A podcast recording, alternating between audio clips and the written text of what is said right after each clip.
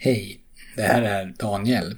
Snart kommer Patrik, men jag tänkte bara passa på att tipsa om vår nya kurs som heter Vanor som sätter sig. I den så får du lära dig allt du behöver veta för att kunna skapa de vanor du vill ha och göra dig av med de vanor du inte vill ha. Det här är ju inte något som går av sig självt, utan jobbet behöver göras av dig. Men vad du får är en steg för steg process som är enkel att följa och som funkar. Kursen heter alltså Vanor som sätter sig och du kan läsa mer om den på monkeymindset.se vanor.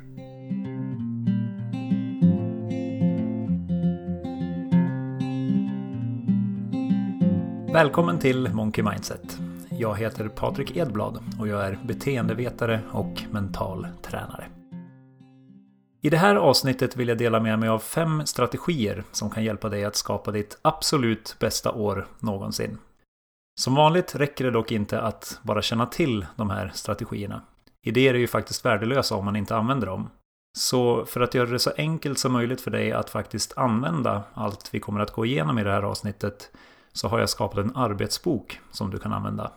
Den kan du få helt gratis genom att gå in på monkeymindset.se och bli medlem.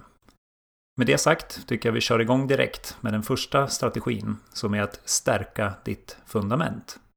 Det finns en bra metafor för hur man skapar ett bra liv. Om du vill veta hur hög en byggnad ska bli, kolla på hur djupt man gräver grunden. Om du vill ha ett envåningshus så behövs det inte särskilt mycket jobb på fundamentet. Och om du vill leva ett mediokert liv så behöver du inte tänka så mycket på ditt eget fundament. Men om du vill bygga en mäktig skyskrapa ett meningsfullt liv där du mår bra, presterar på topp och förverkligar din inneboende potential så måste du gräva en djup grund. Du måste vårda ditt fundament. Och som jag ser det består det här fundamentet av fyra olika delar. Hälsosam kost, fysisk aktivitet, ordentlig sömn och någon typ av mental träning. Om du tar hand om de här olika delarna så kommer du att möta varje dag lugn, fokuserad och energisk.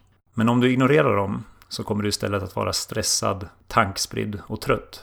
Och det är därför jag alltid rekommenderar att bygga ett starkt fundament.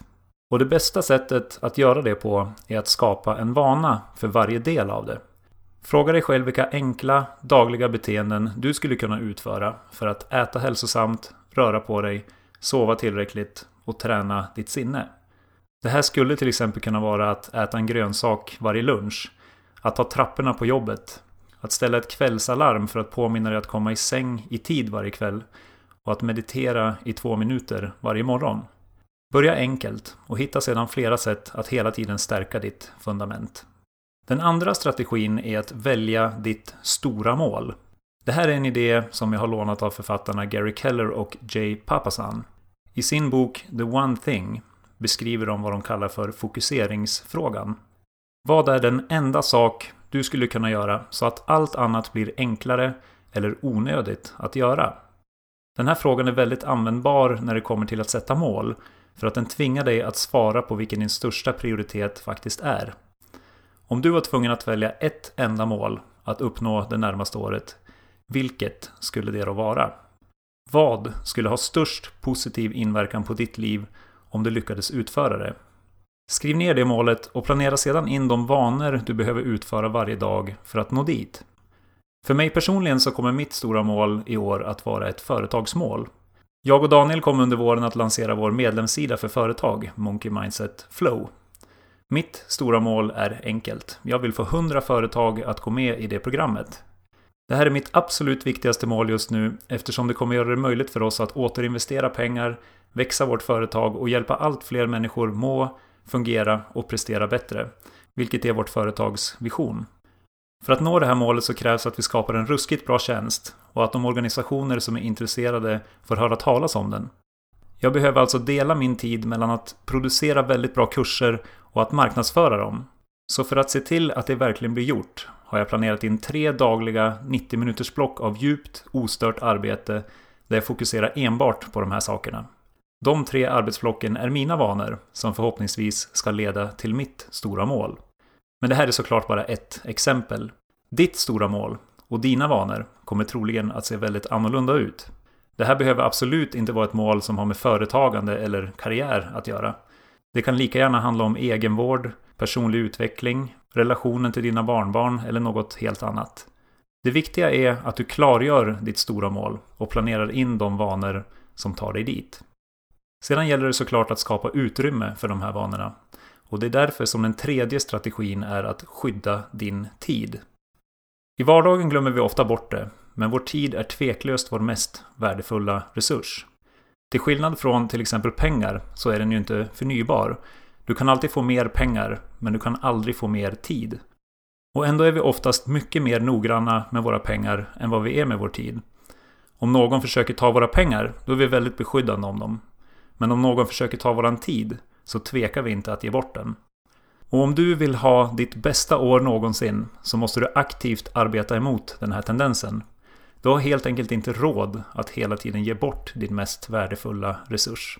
Du måste påminna dig om hur värdefull den är och ge den det beskydd den förtjänar. Det är det enda sättet att göra betydande framsteg mot ditt stora mål och hela tiden stärka ditt fundament. Så istället för att försöka få mer gjort på mindre tid, fokusera på att bara få det mest viktiga gjort och kapa bort allt annat. Några sätt du kan göra det här på är till exempel att minska din tv-tid, begränsa ditt internetanvändande, ta bort appar och aviseringar från din mobil, kolla mejlen bara en gång om dagen och minska dina åtaganden. Bli bra på att säga nej och var stolt över din förmåga att skydda din värdefulla tid. Den fjärde strategin jag vill föreslå är att designa din omgivning. Och det här är en idé som jag redan har pratat om i avsnitt 92. Men den är så viktig att den är värd att nämnas igen. För även om vi inte tänker på det så har vår omgivning en enormt stor inverkan på vårt beteende. Om du har kakor på köksbordet så är det sannolikt att du äter dem. Om du har en fjärrkontroll på vardagsrumsbordet så är det sannolikt att du kommer att titta på TV. Och om du sover med din mobil bredvid sängen så kommer du sannolikt att plocka upp och använda den det första du gör på morgonen. Man kan säga att vi formar vår omgivning och sen så formar vår omgivning oss. Så det du behöver fråga dig är om din omgivning stöttar de beteenden du vill ha. Gör den det enkelt för dig att stärka ditt fundament och utföra de vanor som leder till ditt stora mål? Eller arbetar den istället emot dig och leder dig in i distraktioner och bort från det som är viktigt? Fundera på det här och designa sedan din omgivning genom att göra dina önskade beteenden så enkla som möjligt att göra och dina oönskade beteenden så svåra som möjligt att göra. Om du till exempel vill sova bättre så kan du förbjuda alla typer av skärmar i ditt sovrum och lägga en bra bok på ditt nattduksbord. Om du vill äta mindre så kan du byta ut dina stora tallrikar mot en mindre variant. Eller om du vill lära dig mer så kan du byta ut spel mot utbildningsappar i din telefon.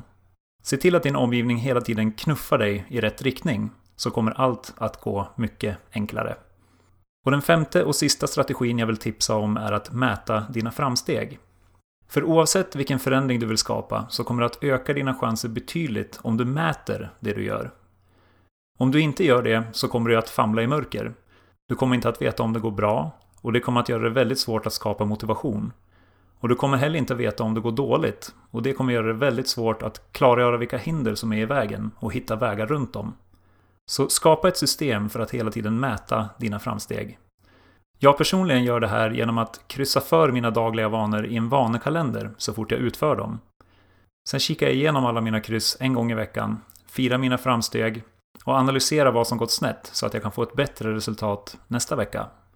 Kanske märker jag att jag behöver bli bättre på att skydda min tid. Eller så kanske jag behöver göra en förändring i min omgivning. Genom att kontinuerligt följa upp mina vanor på det här sättet ser jag till att mitt fundament hela tiden blir starkare och att jag kontinuerligt gör framsteg mot mitt stora mål. Nu kör vi en sammanfattning. Det här avsnittet handlade om fem strategier till ditt bästa år någonsin.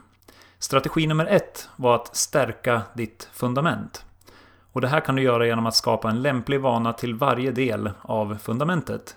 Hälsosam kost, fysisk aktivitet, ordentlig sömn och någon form av mental träning.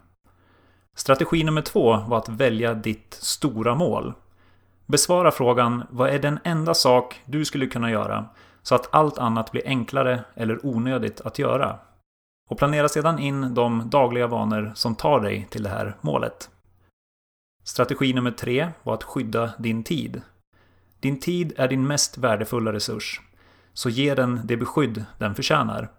Fokusera på att bara få det mest viktiga gjort och kapa bort allt annat. Strategi nummer fyra var att designa din omgivning. Gör dina önskade beteenden så enkla som möjligt och dina oönskade beteenden så svåra som möjligt. Och strategi nummer fem var att mäta dina framsteg så att du kan fira det som går bra och förändra det som går snett. Jag hoppas att du gillade det här avsnittet och att du är taggad på att pröva strategierna. Som jag nämnde i början så har jag skapat en arbetsbok du kan använda för att göra det. Den får du helt gratis genom att gå in på monkeymindset.se och bli medlem. Då får du dessutom vårt 30-dagarsprogram i mental träning och vår vanekalender som du kan använda för att mäta dina framsteg. Tusen tack för att du lyssnat. Vi hörs snart igen.